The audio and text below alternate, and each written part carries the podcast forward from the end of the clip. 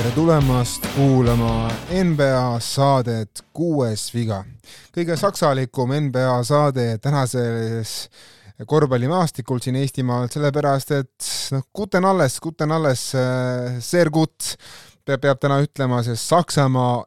esimest korda nende riigi ajaloos on korvpalli maailmameister ja selle auks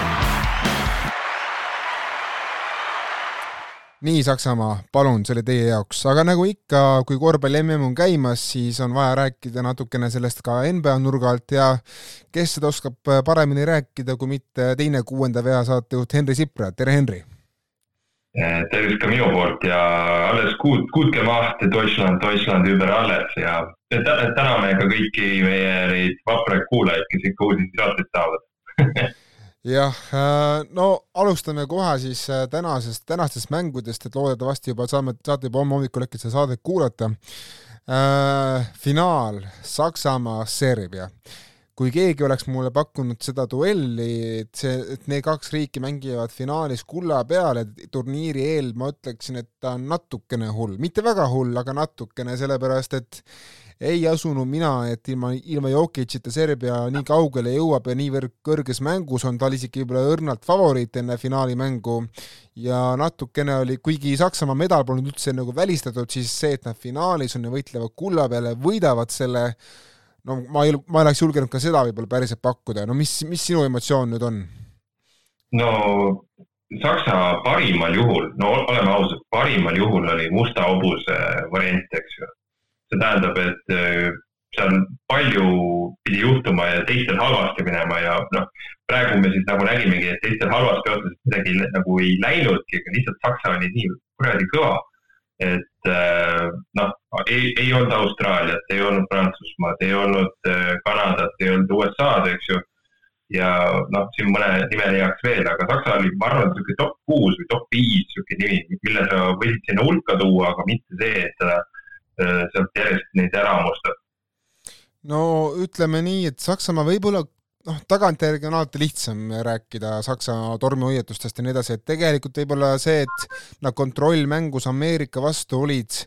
kuueteist punktiga peal kolmandal veerandil ja lõpus lasid rumalalt Anthony Edwardsile teistele järgi tulla, võib-olla see oleks pidanud olema suurem hoiatus nii Ameerika kui ka Saksamaa koondise taseme osas,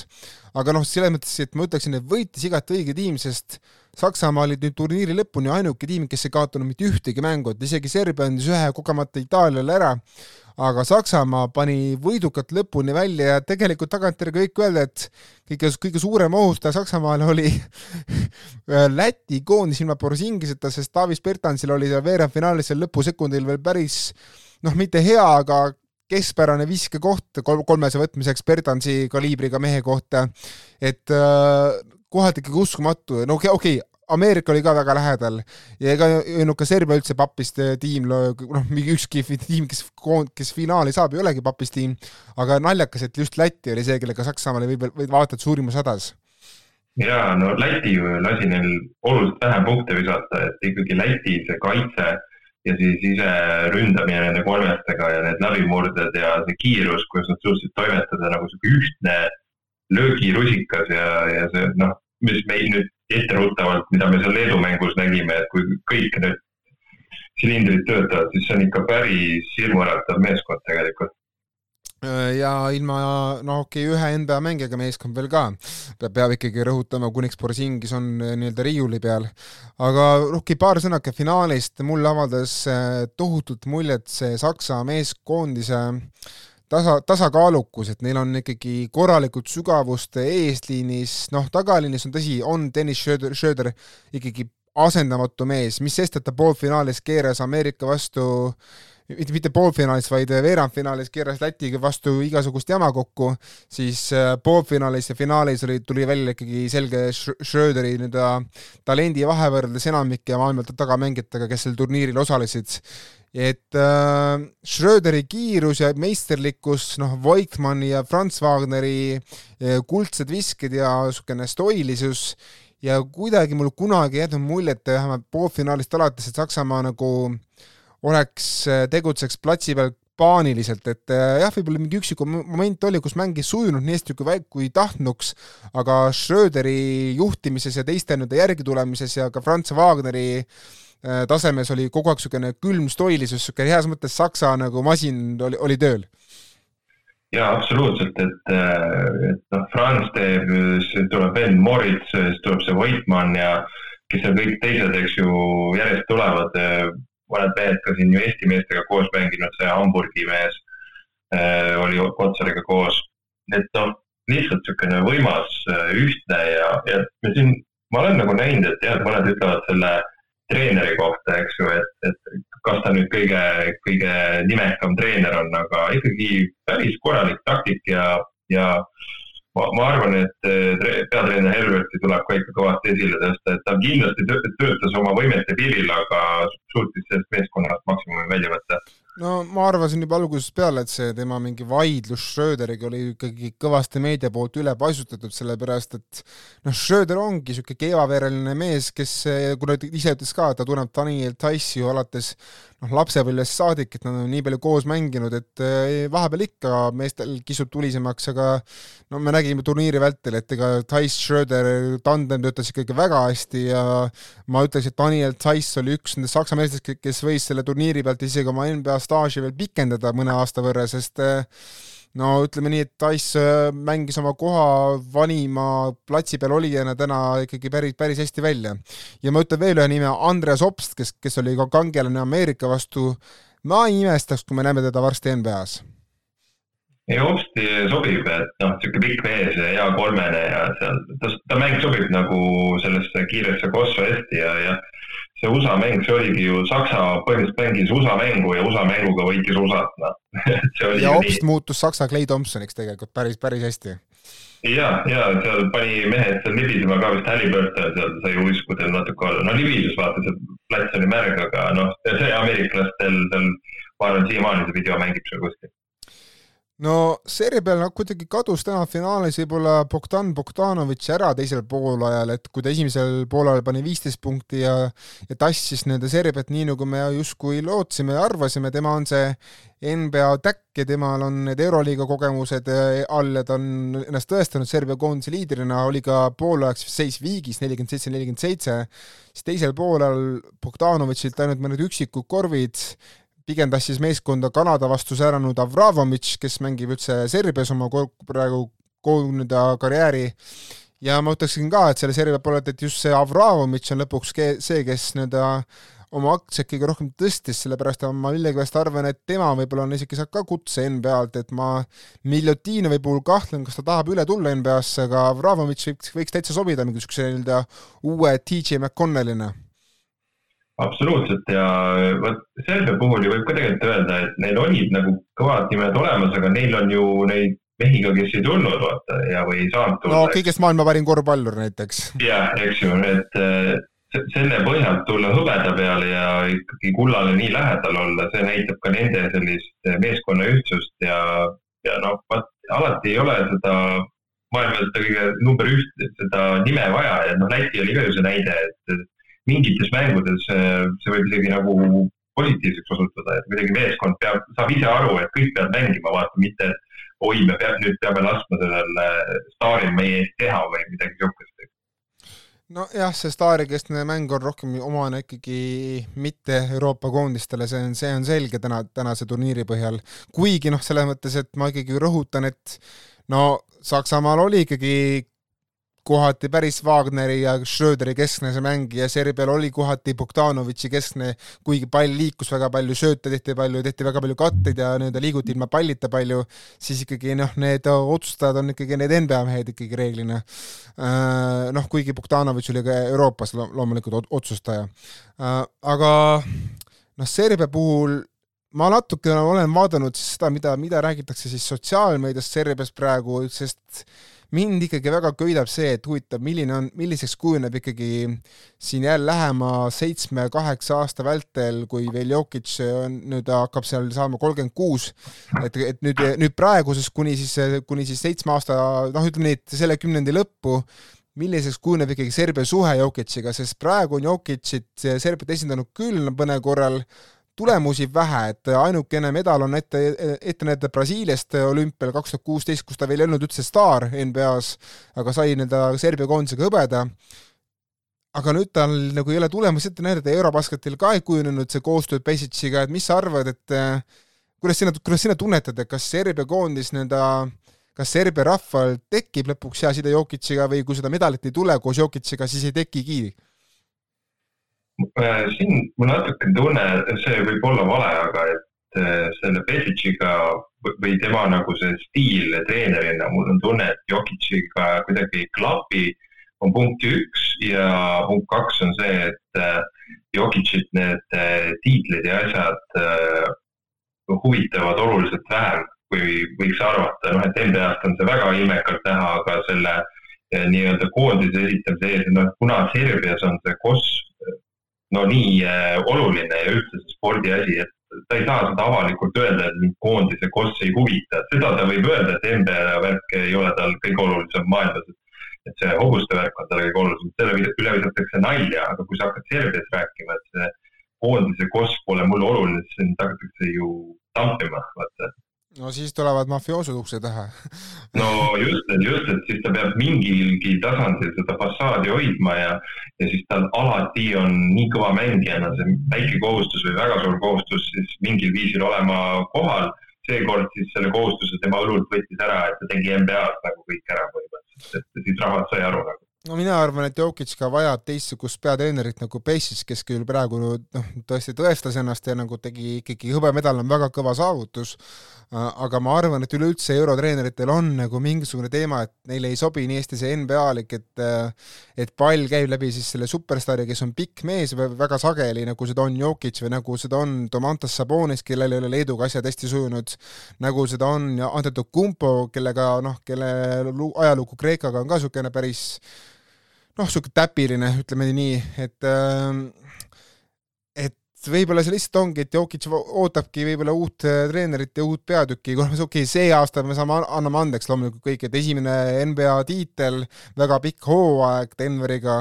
aga, aga tõesti, ma arvan, et see võib olla üks nagu kummalisemaid nii-öelda suhteid ühe riigi siis äh, superstaari ja tema koondise vahel, sellepärast et noh, tõesti, Jokic on ju tänaseks juba kerkimas maailma nii-öelda nii-öelda USA väliste superstaaride edetabelis järjest kõrgemale, kõrgemale, kõrgemale, et eh, mina jälgin seda asja küll edaspidi suure huviga. ma ise arvan, et nüüd olümpiaks ajab ta ennast kohale, et pilet on taskus ja, ja seal vaata neid äh, koondised on ju vähem ja turniir, olümpiaturniir on ju lihtsam kui maailmameistrivõistlused et seal tuleb mees välja, et seal muidugi tulevad ka USA-kad välja, sellest me siin saame spekuleerida juba hiljem. aga et eh, Serbiasse ta tuleb välja ja kui ta sealt saab näiteks olümpialt Serbiaga medali, siis on ta ma arvan, temale isiklikult on sellest küll, küll ja küll, aga loomulikult serblased siis ise lähevad üle äksi täis ja värki, eks ju, et aga no ma arvan, et kui see medalivärv on pronksi karva, siis on küll serblased natuke pahased, et miks, miks me ei saanud Jokitšiga ikkagi kulda kätte. Noh, jah, aga vaata, kui seal ma, ma, ma kardan, et nüüd ameeriklased tulevad selle best of redeem'id ja kuidas see kõik ära turundatakse, et sinna, sinna nüüd tulevad jälle näitama, et, et me ikkagi, kui me tahame, siis me suudame võita. no räägime kohe ameeriklasest, lähmegi kohe kolmanda-neljanda koha mängu juurde. ma ütleksin julgelt, et see oli kõige NBA-likum mäng sellel, sellel maailmakarika turniiril ja ma ei salga, selles mõttes, et ma ei salga seda, et ma nautisin seda mängu osaliselt rohkem kui finaali, kuigi ka finaal oli väga kõrgetasemeline, aga kuidagi mul lihtsalt äh, on nii omaks saanud see NBA-lik mäng, et, äh, et äh, näha midagi nii tuttavlikku oli kuidagi justkui palsam korvpalli janu selle NBA hingele, kes on oodanud niisugust hea tasemega korvpalli juba, juba, juba mitu kuud jah, et äh, minul äh, üks kahetsus oli see, et äh, oli nagu tööpäev ja siis just tulid mingid inimesed sinna sisse, kes noh, ma ei tea, kelle jaoks ei ole korvpall nii oluline, eks. ja, ja siis ma ei näinud seda Läti mängu, see oligi, ma pean ilmselt järgi vaatama, aga see Saksa USA mäng oli minu jaoks kõige parem, ikkagi oli kõige parem ja siis võib-olla see selline kolmanda koha tiitli, noh, et, et Kanada selle ära võttis ja vaata, kuidas need draamat oli nii palju ei no finaal ütlen ka tegelikult, et tuli oluliselt parem, kui ma arvasin, et äh, väga, väga kõva taset ja minu arust korvpalli jagus igale maitsele. turniiril ei, ma olen ka nõus, et see oli üks ikkagi aegade paremaid, eh, huvitavamaid nii-öelda maailmakarikaturniire, et et tavaliselt ma, ma, tuleb, kui ma mõtlen nagu rahvusvahelise kossu peale, tulevad ikkagi esimesena meelde legendaarsed olümpiaduellid Hispaania, Ameerika ja ja teiste vahel, aga, aga tõesti see, see praegune FIBA World Cup ikkagi jättis väga hea mulje oma, oma kõrgetasemeliste mängudega. ma tulen korra uuesti selle kolmanda-neljanda koha mängu juurde, no Dylan Brooks valiti pärast eh, selle turniiri lõppu ka turniiri parimaks mängijaks, arvestades maailma parima sprinteri Noah Lylesi kommentaare, et ikkagi noh, et ikkagi tõelised maailmameistrid tulevad ikkagi MM-ilt, mitte kusagilt eh, meist, kusagilt klubide liigast, siis eh, Dylan Brooksil on ju õigus, kui ta ütles seal enne poolfinaale, et te, tema on maailma parim kaitsemängija jah, ta noh, selles, selle mänguga nüüd see kolmkümmend üheksa, et seal esiteks näitas, et äh, teatud oludes ta võib ka olla super hea ründemängija, eks ju. ja täna kolmkümmend üheksa punkti. just, et äh, ma arvan, et nüüd ta sai sellise, kuidas nagu öelda, taga, vähemalt FIBA tasandil kohe kindlasti ära ja, ja eks USA-s räägitakse ka sellest nüüd kõvasti, et äh, noh, mis oli see Lebroniga see sõnasõda, et seal hakati teda ridikuliseerima ja aga et siukseid miljoneid on ju vaja ju lõppude lõpuks, et ta lisab ju vürtsi juurde nagu, et muidu, muidu sa, kui sa neid korrektseid mehi, et no kogu austuse juures, Shea on väga põnev mängija, korvpallurina ta väga põnev, aga inimesena ta on ju igav, vaata. no ma arvan, et Shea puhul on lihtsalt see, et ta ei ava ennast nagu meedia kaudu, tegemist, tegemist on minu arust nagu laheda isiksusega, kellel on kohati päris kummalised sõnavõtud isegi, kui sa nagu, kui sa lähed sinna süvitsi, kui sa hakkad Shade'i jälgima, siis sa nagu märkad natuke naljakaid asju ja tegemist on inimesega, kes on väga moehuviline mängija, nagu noh, see on enamik NBA superstaare, aga ta ka riietub tõesti väga lahedalt kohati, et tal on tõesti väga põnevad outfit'id, aga jah, et ta ei ole nagu platsi peal ja ja pressikonverentsidel võib-olla see inimene, kes annab häid tsitaate võrreldes noh, Dylan Brooksiga. Ehm, aga ma tuleksin selle mängu juurde, mäng oli tõesti NBA-l, eks ju, jookse-viska mäng, kaitse noh, vahepeal oli, vahepeal natukene vähem seda, äh, kõik need äh, platsil olnud NBA mehed äh, paistsid silma oma NBA-liku nii-öelda noh, kvaliteediga ja ja oma NBA-st tuttavaks saanud omadustega, aga ma pean ütlema seda, seda, Henri, ja nüüd sa võid mulle vastu vaielda julgelt, et pärast seda turniiri ma tõesti arvan, et Shea Gilgus Alexander on maailma paremuselt kolmas mängija võib-olla? Äh, ta võib vabalt olla, äh, lihtsalt seal selles Oklahomas on tal raske nagu seda äh, tähelepanu nagu ümber saada, et aga ma arvan, et nüüd see Shea on üks nendest mängijatest, kes sellest turniirilt äh, sai äh, hooaja jaoks lisa mingisuguse boost'i sisse no siin räägitakse juba natukene Kilgus Aleksandri MVP võimalustest järgmisel hooajal, ma vaatasin seda pärast turniiri, sest noh, kuigi nagu turniiri parima mängija auhind anti loomulikult võitjatiimi liidrile Dennis Schröderile, siis ikkagi mina tajusin, et turniiri parim mängija, kes näitas nagu individuaalselt ikkagi väga ulmelist mängu, mis kandub ka NBA-sse tavaliselt hästi üle, oli ikkagi Kilgus Aleksander, mitte Luka Doncic või keegi, keegi kolmas, et et äh, ma tõesti arvan, et ta on parem kaitse kui Steph Curry, ma arvan, et ta on kohati mitmekülgsem ründaja kui Steph Curry äh, oma igasuguste petete ja tempovahetuste ja, ja söötmisega ka. ta näeb väga hästi platsi ka ja tema see suhtumine platsi peal, see, kuidas ta üldse ei vaidle kohtunikega, kuidas ta nagu võtab kõike väga stoiliselt ja väga-väga harva näitab nagu niisuguseid nagu emotsioone, mis nagu kuidagi reedaks tema närvilisuse või mingisuguse euf-, eufooria, see avaldab muljet. jah, seda oli ju siin ka selgelt näha, et nagu Luka, mida rohkem nüüd neid FIBA asju mängib ja ka see NBA selline küpsemine või nagu seal siis täiskasvanuks minemine, et et ta praegu pigem kaotab isegi populaarsust oma sellise äh, noh, et tal on raskem, selgelt on raskem nüüd seal Sloveenias vaata, seda Koranit enam pole kõrval, et Koran pani selle ansambli vaata nagu laulma seal Sloveenia puhul ja see on väga suur kaotus sellele koondisele. no tal oli ka Vlatko Tšantšer kindlasti puudu ja Edo Muric, kaks väga head veterani, kes on Sloveeniat väga palju aidanud just, et, et aga noh, Sloveenia puhul ütleme siis nii, et võib, võib-olla kaotused ei olnud nii suured kui äh, Lätil, eks ju. aga Läti vaat suutis selle nagu paremini kuidagi ära organiseerida või ära lappida. et noh, et, et seda, see, on võib-olla jah, et kahe väikse koondise võrdlemine, et Läti ja Sloveenia, seal saab võib-olla isegi narratiivi või mingit, noh, mingeid momente otsida. aga jah, et eh, noh, ja lõppude lõpuks, mis ma tahangi öelda, et see väiksed koondised, isegi ju Serbia, ta on ka ju alla seitsme miljoni riik, aga kõik me oleme ära harjunud, et ta on suur riik, eks ju. et väiksed hammustavad suuri ikka väga valusalt hammustavad küll, noh, Serbia on üldse noh, tegelikult kogu see Balkan on väga ulmeline spordipiirkond um,. noh, sa oled natukene vist juttu mujale, kui juba Sloveenia jutuks tuli, siis ma rohkem ei tahagi Sloveeniast rääkida muud, kui ma proovin nüüd poole minutiga kokku võtta, mis, mis ma Sloveeniast arvan minu arvates on see täiesti kohutav, mida Luka Dontšitš ja see peatreener on teinud selle koondisega, et nagu ta on minu jaoks muutunud väga kiiresti kõige ebasümpaatsemaks Euroopa rahvuskoondiseks see algab kõik Lukas pihta, see, kuidas nad igal minutil vaidlevad kohtunikega, kogu aeg on käed laiali, kogu aeg on niisugune tunne, et keegi teeb neile ülekohut või kuidagi niisugune victim mentality, et nemad on ohvrid kõiges ja neid, neid, neid ei vilistata õigesti ja üleüldse FIBA on ära ostnud kohtunikud, niisugused liigutused platsi peal ka, mingi raha, raha loendamisliigutused, no täielik košmaar, et äh, mitte ühtegi head sõna ma Sloveenia kohta ei ütle, et oh props, et sa said veerandfinaali lõpuks ja alistasid Itaalia seitsmenda-kaheksanda koha mängus, aga no ma olen ikka äärmiselt pettunud ja vihane. jah, ega see Sloveenia nüüd mingeid suuri fänne küll endale juurde ei tekitanud, et äh, sümpaatne meeskond ta kindlasti ei ole ja siin vanad kalad ütlesid ära, et vaata, kui sinu kõige suurem staar on põhimõtteliselt ta on nii A ja O ja vaata, me oleme siin süüdistanud kõrvale minnes, et noh, Lebron on vaata Le GM ja siis praegu Le, Le Luka on praegu siis seal Sloveenias ja noh, põhimõtteliselt peatreener vaatab talle otsa, kui oma neid asju räägib, et kas sa oled sellega nõus ja ja siis, kui tema nagu annab selle vingumise tooni kõigile peale ja siis kõik teevad nagu tema selja taga seda juurde, siis see on bullshit, noh jah, ma ei tahagi rohkem neist rääkida. Itaalias ka, ma arvan, ei ole pikalt põhjust siin rääkida, arvestades seda, et eh, kuidas nad said ikkagi Ameerikat väga veenvalt tappa ja, ja see sai ka Lätilt ja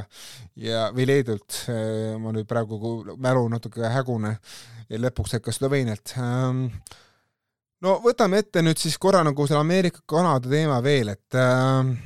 siin on palju nüüd räägitud sellest, et Ameerikal oli nüüd see teine kord, et jääda ilma MM-ilt medalit, viimati juhtus see aastal üheksakümmend neli, äh, tuhat üheksasada üheksakümmend neli siis, ja noh, tegelikult on selge see, et äh, Katar, Katari MM, mis on kaks tuhat kakskümmend seitse, saab olema ameeriklastele ka huvitav nagu katsumus, et kes siis üldse julgevad tänasel sots-, sotsmeid ajastul tulla platsile ja riskida nende meemidega ja Noah Lalsi igasuguste äh, reklaampiltidega, aga aga olümpiale nüüd sellest koondisest, äh, üleüldse, mida Ameerika koondis sellest, turniirist õpib, on minu arust see, see küsimus ja minu arust number kaks põhilist peaasja, mida õppida, on see, et esiteks ei toimi see ikkagi, see Grand Hilli strateegia, no mis ma arvasin, et võiks toimida, et me lihtsalt valime otsepääsmega koondislased ja ei tee mingisuguseid sõelprotsessi ja lihtsalt teda kui koht on olemas, siis on koht olemas, et me ega, keegi, keegi sult seda ära ei saa võtta, et see on minu arust täielik bullshit. Brandon Ingram oleks pidanud kohe selle koha kaotama ja seal oli mõned mehed veel, kelle panus jäi natuke ebaselgeks selles, selles koondises. ja teine asi on see, et Ameerika peab väga tõsiselt vaatama otsa enda noortespordile ja mõtlema, et miks sealt, miks sealt ei tule üldse peale lau-, pikki mehi, kes äh, oleks agressiivsed lauas ja agressiivsed ka punktide toomisel. jah, selles selle Grand Hilli strateegiale, et nagu see paberil võis hea olla ja aga lõpuks jah, et kuidas seda tiimi komplekteeriti, noh, ma ei tea, seal võib-olla isiklikud suhted olid ka mängus, vaata, ja aga ma ei teagi, Ingram oli kohe pettunud oma rollis, hakkas seda seal kuidagi väljendama, aga no Ingram, Ingram, Ingram Ingramiks, et sellest koondisest siis ilmselt ma arvan, see plaan pannakse nüüd ilusti sahtlisse ja sellest koondisest võib-olla kaks-kolm venda võiks üldse olümpiakoondisse jõuda no olümpiakoondis ma näen ka, et noh, kui ma näen mingeid mehi, siis ma ütleksin, et et Edwards võib olla äh,, Halliburton võib olla, Austin Rees või võib olla ja ma olen väga-väga skeptiline ja Mikal Bridges on ka niisugune võib-olla, et äh, noh, kolme, kolme pool ütleks tinglikult, kes niisugused kõik võib-olla, Edwards on äkki kõige kindlam isegi, sest tema mängis oma rolli okeilt välja, mitte hästi, aga okeilt. Ähm, aga kes kindlasti mängib oma rolli välja, kes ma arvan, ei, võib-olla ei saagi nüüd pikka aega üldse isegi mingit kutset, on Jaren Jackson Jr. NBA parim kaitsemängija võtab turniiril keskmiselt kaks koma üheksa lauda, võis teha julgelt panused, et ta, ta saab kätte kaks, igas mängus kaks viga, enne kui, enne kui mängus on möödunud kolm või neli minutit, no täielik košmaar-etendus Jaren Jackson Jr poolt ja ma arvan, et see ikkagi tõi ka välja, et Jackson Jr ei ole Ameerika number viis, keda nad, keda nad otsivad. ja et seal seal tuleb mingid teised mehed, et Anthony Davisest on juba räägitud, et äh, kes on nagu kolmkümmend üks või kolmkümmend ja ei, ei ole alati terve. just, et äh, ta ka ei ole enam kõige kindlam, aga vähemalt mänguoskuse pealt, et ta võiks nagu Fibasse soovida ja see lauavõitluses, noh, ta on ikka sihuke, noh, kümme lauda võtab ikka ära ja no, ta oli, eelmisel hooajal oli vist NBA parim lauavõtja isegi jah, et, et niisugune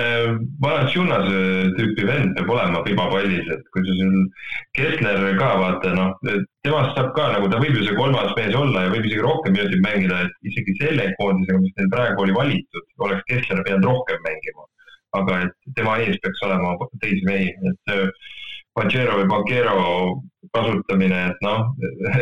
Kerrile meeldib see äh, Golden State'i mäng, aga noh, see, see ei, ei mänginud välja, ütleme nii. no Banquerol ma arvan ka, et võib-olla, võib-olla tema ikkagi jääb ka sinna koondise programmi mõneks ajaks, sest ma nägin nagu vähemalt välgatusi, mis annaks märku, et Banquero võib tulevikus olla väga oluline lüli seal USA koondises, aga tõesti noh, Kessler on praegu noor mees, et ma, ma üldse ei pane, ma üldse ei pane talle midagi pahaks, et nagu siis ütlesid ka, et tegelikult oleks pidanud treener talle rohkem minuteid andma. Algusest peale, et ta harjuks ära selle, selle suur, suure rolliga ja juba kohaneks rutem ära selle noh, vastutusega, mida talt justkui vajatakse, aga noh, tundub, et äh, Ameerika treenerid ei, ei arva eurooplastega ja eestlastega samamoodi ja nemad arvavad vastupidi, et, et on parem mängida väikeste meestega. Seda kossu äh küsin sult kohe vahele, mis sa arvad, kas Erik Spolstra jääb selle teema juurde või, või ta teeb Pat Rallit praegu, et vaata, kui sa seda winning time'i vaatad, siis et ta vaatab, kuidas ees need äh, Darren Lood ja Garrett teevad oma naljad ära ja siis võtab ise selle koondise üks hetk üle, et praegu ta noh, ilmselt tal ei olnud vaata mingit sellist sõnaõigust, et ta võiks seal oma asju ajada, et kolm, kolm treenerit, kellel on võib-olla äh, kõigil väga erinev lähenemine, et võib-olla Spolster oleks selle tiimi hoopis teistmoodi kokku pannud, aga et noh, et esiteks, kas ta jääb üldse sinna programmi jääb või küll. tema roll, et või tema roll muutub? ma olen kindel, et ta jääb, et ta pigem ongi uus peatreener võib-olla pärast seda ma ei ütle päris pärast Pariisi olümpiat, kuigi see on ka võimalik, sest Steve Curry'l ei ole kõige paremas seisus tervis, aga, aga noh, noh, hiljemalt pärast siis kaks tuhat kakskümmend kaheksa olümpiat, ma arvan, on, on spo-, on Spoilstra kord, äh, kui vahepeal midagi ei juhtu Steve Curry'ga. Äh,. Kerril on ikka see seljateema, eks ju? Äh, jah, tal on siis äh, selja, seljahädad on, on tal ikka jah Mm -hmm. aga no minu puhul on see, et ma ikkagi arvan, et see on niisugune oluline praegu alarm USA-le, et vaat-, tulebki hoida kindlasti silm peal Kessleril, Detroit Pistonsi noorel pikal Jalen Durenil, äh, Charlotte Hornetsi pikal Mark Williamsil ja, ja ka OKC Chet Holmgrenil võib-olla. Ja vaadata, kas need neli noormeest nüüd äh, äkki natukene kamba, kamba peale äkki kaks kutti tuleb sealt äh, koondisesse, kes, kes lahendavad mõned mured ära, kui nad, kui nad küpsevad ja saavad tugevamaks ja osavamaks ja paremaks mängijaks et äh, ega ma teistel nagu pikkadel nüüd väga palju lootust ei näe, et et ma vaatasin üle väga kulli pilguga, kes need võiksid olla, et pigem hakkasin mõtlema hoopis seda, et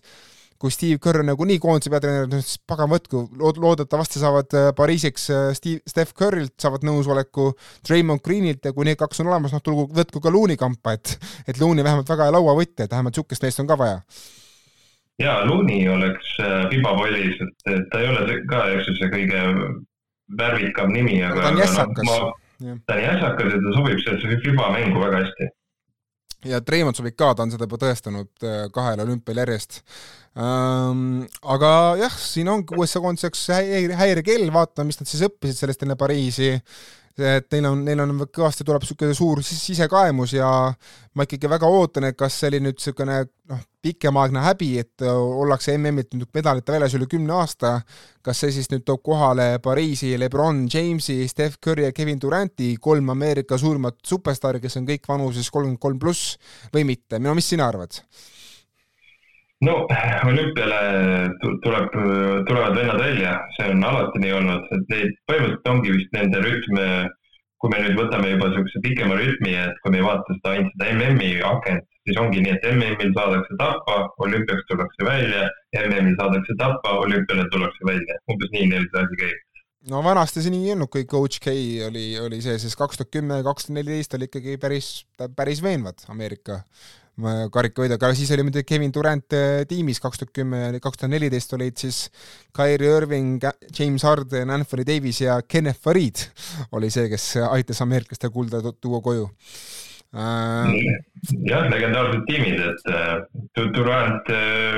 noh, Durant sobib igasse meeskonda, see oleks sellesse tänasesse meeskonda ka pannud Duranti juurde, võib-olla oleks nad võib-olla finaalis kindlasti olnud. No ameeriklaste puhul ütleb ka seda, see, et tegelikult ma arvan, ei tohi MM-ile saata koondist, kus sul on noh, kõige kogenum mängija on Bobby Portis, ma arvan, et see on ka ikkagi vale samm. jaa, seda oli küll näha, et nad seal ikka alguses äh, küll nende reeglitega seal kohanemist ja noh, need kontrollmängud, et näha oli, et nagu asi läheb paremaks, aga neid ikka suudeti üllatada Äh, kogu aeg. Ja see oligi kogemuse taga nagu nii, lähme edasi korra Kanada juurde, noh, me nüüd siin oleme juba kiitnud, et nende esimene MM-kuld pärast oh, oh, oh, aastat tuhat üheksasada kolmkümmend kuus, midagi sellist, või nüüd nagu esimene MM-medal, tahad öelda? jah, MM-medal tähendab jah, et esimene suur turniiri medal pärast kaheksakümne, üheksakümne aastast vahet. Noh, me oleme siin juba kiidulaulu laulnud J. Kilgus Aleksandrile ja Dylan Brooksile ma ütlen ka julgelt ära, et äh, mees, kes on sinult saanud palju tampi, kes on Hardolt saanud palju tampi, Erkit ja minult võib-olla natuke ka, Dwight Powell mängis väga korraliku turniiri. Äh, jah, peab, peab nagu tõdema, et kas siis tema ümber peab niisugune meeskond olema või et niisugune tibavärk sobib talle, et siin, siin Powell mängis küll oma rolli hästi välja ja ta just seda musta tööd tegi väga hästi, et noh, see ongi tema mäng, eks ju, aga et see siin nagu eriti hästi lõi esile. jah, lisaks Powellile mängisid noh, kohati ikkagi oma rolli välja Lou Dort, RJ Barrett, Nikhil Alexander Walker ja Kelly Olünük, kõik need, kes ei olnud NBA mehed siin, Melvin ja Jim, Trey Bell Haynes, Kyle Alexander, Zack Eady, noh, nemad jäid ikkagi kui ei olnud vastas nõrk vastane, nad pigem hätta selgelt, eriti just see Zack Eady, ma vaatasin tänases mängus USA vastu, oli ikkagi kohalik täielik košmaar. aga noh, Zack Eady on muidugi kolledži mängija ka, et anname natuke talle asu ähm, ja arutust, aga Kanada puhul mind ka ootab see, kõik ütlevad, et oh, et Jamal Murray, Andrew Wiggins on veel olemas seal salves ja siin noorte pealt Shadon Sharp ja Benedict Maturin tulevad ja siis pikad mehed on ka, tegelikult on mõned mehed veel NBA-s no kusjuures mina ei ole niivõrd kindel, kas Kanada koondis on palju tugevam, kui Jamal Murray on ka koondises, ma arvan, et on tugevam, aga kui palju ta tugevam on, ma lihtsalt arvan, et praegusel puhul oli tegelikult isegi väga hea, et tiim oli ehitatud, ehitatud kohati ümber Shea, et nagu selge hierarhia oli paigas ja ma ei tea, kas Murray'ga oleks olnud see hierarhia nii tugevalt paigas? jah, seal võib-olla oleks seda kohanemist olnud rohkem ja et noh, et J-tiim, see, see asi nagu toimis. ja siis Dylan Brooks oli tema enforcer, eks ju, kui nüüd Murry tuleb juurde, et Murry'le on vaja ju niisugust äh, head äh, tsentrit, et ta on nagu selle Jokic'iga nii ära harjunud, et, et tal peaks olema siis midagi muud seal ees, et Powell, ma arvan. Olünük on ainuke, kes on Jokic'i moodi seal Kanada pikkadest jah, et Olünikiga, et, et seda me nagu MM-i kontekstis ei näinud, aga kindlasti ta tuleb ja siis saab näha ja Wiggins eh, lisab ka, sest noh, need eh, vinged, vinged ääred, kui ta vähegi vormis on, siis Wiggins võiks ka juurde lisada. Ja tead, see Maturin, see võib ka tipppoiss olla sinna juurde jah, pluss noh, ma ei tea, mis sellest Sharpist saab, aga tema õhulennud oleksid ka päris lahedad MM-il vaadata. Äh, ja kindlasti ma ütlen, et äh, kindlasti kus on Kanadal kõvasti arenguruumi, ongi just see, et äh, lisaks Powellile ja Lünükile tuua Trey Lyles, Chris Boucher ja Brandon Clark, sul on viis korralikku pikka, no ma arvan, et see oleks juba päris hea oo oh jaa, oo oh jaa, see on niisugune hea ühtlane tiim ja omad need löögirusikad olemas ja täna me nägime, et noh, ütleme siis nii, et isegi nimed on ju, olid kokkuvõttes ju USA-l paremad, aga paremini komplekteeritud tiim oli kokkuvõttes Kanadal. ja, ja Kanadal on palju parem kaitsevõimekus, sest no ameeriklasi, vaata, kus otsast sa tahad, neil ei ole niisugust duot nagu Lou Dort ja Dylan Brooks, neil ei ole, et et okei okay,, sa võib-olla lei-, leiutad selle välja umbes a la, kui sa paned kokku koondisesse, siis olümpiakoondisesse J-Ru Holiday, Markus Smart ja Raymond Green, no siis me võib-olla isegi võime rääkida, et ameeriklane on isegi parem nagu löögirusikas kaitses olemas, aga kõik need Smart äh,, Holiday ja Green on oma, omade vigadega ja ma isegi ei ole kindel, kas nad kolme peale nagu on niivõrd parem nagu koostöös, kui seda on Lou Dort ja Dylan Brooks äh, no seal Holiday, ma olen suur fänn, et äh, kui Holiday panna tiimi juurde, siis ja midagi talle kõrvale, siis mina tahaks öelda, et on kohe parem, et noh, näiteks Holiday ja siis Halliburton panna kokku, noh, see võiks olla päris kihvt, noh. jah no vaatame, kes sinna Pariisi olümpiale tulevad, mina usun, et näiteks Kawhi Leonard, et me seal ei näe, tema on ikkagi oma tervise eest muretseb ja ma natuke olen skeptiline Paul George'i koha pealt, aga tõesti, ma loodan, et Durant eh, ühe korra veel paneb ketsid jalga, Steph Curry'l pole üldse olümpiakulda, nii et tema võiks tegelikult eh, tahta Steve Curry'ga seda saada. ja Lebron James'il on ka see alati hea variant, et oma oma seda karjääri lõppu ilustada niisuguste, no ühesõnaga, et saada lähemale Michael Jordani niisugusele nagu vaibile, ma arvan, et see oleks ka, et näete, ma tulin Ameerika au päästma siin kolmekümne üheksa aastaselt, et ma arvan, et see on, see käib praegu Lebroni mõttest läbi küll. No ja, et äh, ma arvan, et äh, tema seda rolli nagu Larry Bird üheksakümmend kaks ma nägin kuskil disainil, Larry Bird oli kolmanda staarina pandud välja, aga me mäletame ju küll üheksakümmend kaks Larry Bird, et ta oli juba seljaga nii hädas, aga ta, selle kolme sai kuskilt nurgast ja no ütleme nii, et Lebron tuleb, ta tuleb Lebroni, et teist sellist meest ei ole olemas nii, viimased sõnad võib-olla siis veel ka Läti kohta, sest ma tean, et et sina oled meil ikkagi suur Läti sõber ja sul on see Kristjan Sportingise fännileht, et no kõigepealt NBA nurga alt, et mis sa arvad, kas Zagars ja Krasulis saavad seda NBA lepingut? Äh, ma alati kardan neid äh, NBA jutte või noh, ma lihtsalt nagu kasutan ülekantud tähendust, et, et haibitakse nii üles, et oo, nüüd on kõik uksed alla ja nii, et päris maailm nii ilus ei ole, et noh, kasvõi võtame selle näite, et Misis tuli MVP-ks selle Euroliigaga ja no ei ole need uksed sulle lahti, vaata. aga võib-olla niisugune Zagarsi-sugune noh, mees, kellelgi lööb sealt silmad särama, Krasulis võib-olla ka, et äh, tal vist nagu seda mõõtude mõttes on Grasulis natukene NBA mõistes isegi parem, niisugust äh, hea pikk ja viskab seal äh, kolme väga hästi, et niisugune kiire Itaalia korvpall, kus kus ta nagu äh, on äh, enda talenti seal silunud. aga noh, see Sagarsi värk, minu arust ta võiks ju vabalt Euroliigas siin lammutada, et miks seda NBA juttu nii ikka väga ajada, et no muidugi sealt ta saaks hea raha ja talle endale meeldib see NBA värk no saame näha, et mingid jutud käivad, et jah, et paar skauti on, NBA skauti on Zagarisile nagu käp-, nagu silma peale visanud ja aga ma arvan et ka, et me enne näeme teda Euroliigas toimetamas kui NBA-s, et ma ei usu, et ta nüüd kohe sellel suvel või sügisel tuleb üle, et äh, ikkagi natuke peab ennast tõestama veel, sest äh, tal ei ole niisugust ikkagi piisavat nii-öelda portfooliot tal, aga, aga ega see enam kaugel võib-olla ei olegi, et kindlasti on tal niisugune attitude, mis on väga NBA-lik ja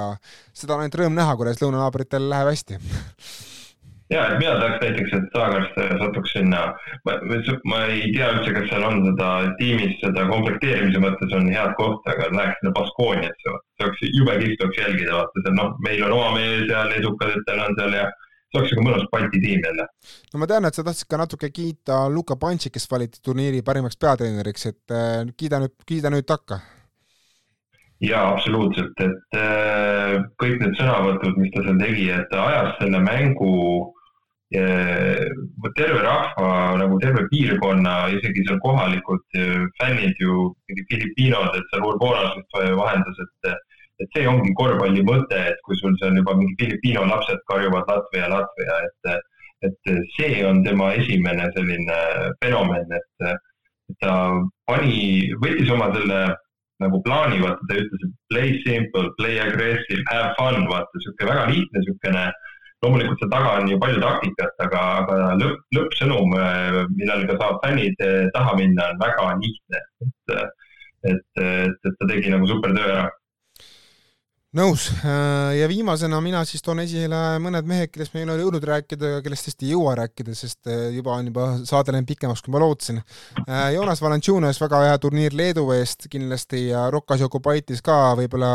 jättis New York Knicksile hea maigu, sellepärast et Knicksil on tema mängiõigused olemas Äh, kiidan kindlasti siin veel ka Gigida Toomet, kelle koondise karjäär lõppes Itaaliaga, ta ikkagi võitles lõpuni välja seal Sloveenia ja ja teiste vastu, et ei läinud üldse visinaga ära sellelt tipp, tipp Kossu areenilt koondise tasemel. Äh, kiidan veel, ma mõtlen, kes mul siin veel on üldse kirjas USA poolelt on juba kõik nimed öeldud äh, tõesti ei ole siin väga midagi eriti kiita ja Läti no,, Läti poolelt muidugi Roland Schmitz ka, et äh, väga hea turniir. et väga hea turniir. et Schmitz, vaata, ta mitu korda jäi ju selle Zagarsi varju, aga ta tihtipeale, noh, seal oli umbes see, et ta viskas kaks punkti vähem ja siis temast räägiti vähem. aga Schmitz oli selle Läti niisugune äh, vundament ja kõik, kui seal Borsingis ära kukkus, siis Lätis ju kõik arvasid, et Smits hakkab seda asja seal vedama. Ja võib, võib-olla ta seal riietusruumis ongi, kuigi seal võis Bertansi, näiteks Taavis Bertans olla see vaimne liider või, aga noh, seal iga mäng oli uus, uus staar nii-öelda no ma ikka, jah, kui sa mainisid Bertansi, ma pean ikkagi Oklahoma City, kellele nüüd kuulub, kuulab Bertansi mänguõigused äh,. pean ikkagi Bertansi ka ära mainima, et äh, jah, ei ole kaitses tegu asise võib-olla mehega nagu tipptasemel, aga kurat, mis käsi on mehe, mehele antud ja mul on hea meel, et ta esindab Lätit, et ta annab Lätile niisuguse nagu teatud nagu tema ja Saagaras on minu jaoks nagu Läti niisugused kaks niisugust nagu särtsukera, kes nagu annavad alati niisuguse nagu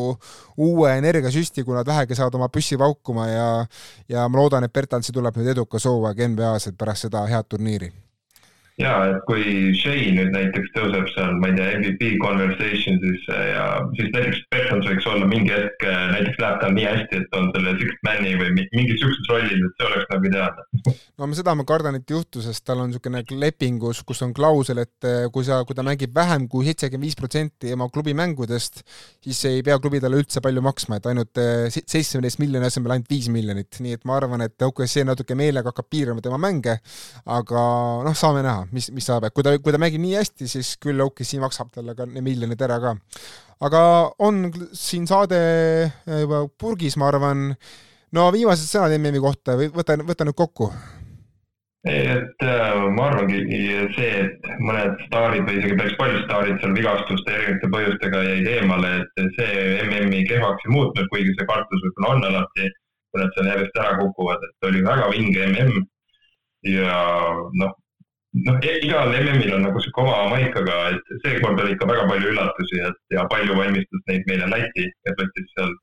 neid Skype'e, et väiksed hammustasid suuri lõpuni, et see oli nagu väga kihvt asi, mida väikse riigi esindajad nagu meie oleme, noh, on kihvt jälgida alati nõus ja eks on ka huvitav vaadata, et mis saab neist suurtest põruvõttest ikkagi, et äh, kuidas Austraalia, Prantsusmaa, siin Hispaania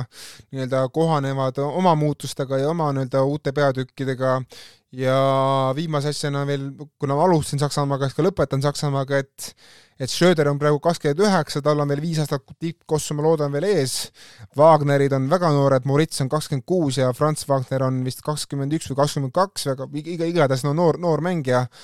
Obst on ka ikkagi noor, Voikmann on alla kolmekümne, et ma loodan, et Saksamaad me veel näeme mõnda aega seal tipus. jaa, Saksal on küll praegu üks niisugune kuldne, kuldne ajajärk sattunud, et see tiim veel teeb siin pahandust, ma arvan, nii mõnelgi tiitlivõistlusel veel ja ma mainin ära ka NBA-st välja kukkunud mehe Isak Ponga, kes, keda oli rõõm näha uuesti platsil ja mulle meeldis Ponga küll, kui ta oli NBA-s loodan, loodan, et ta kunagi jõuab sinna tagasi. Just, just, et äh, mängis oma koha ilusti välja. nii, selline see sai, sai, saade sai, aitäh, et kuulasite. NBA treeninglaagrid juba algavad nendele tiimidele, kes lähevad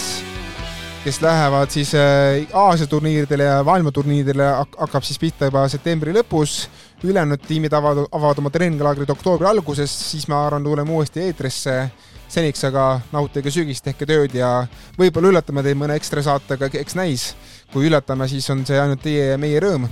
Ja tšau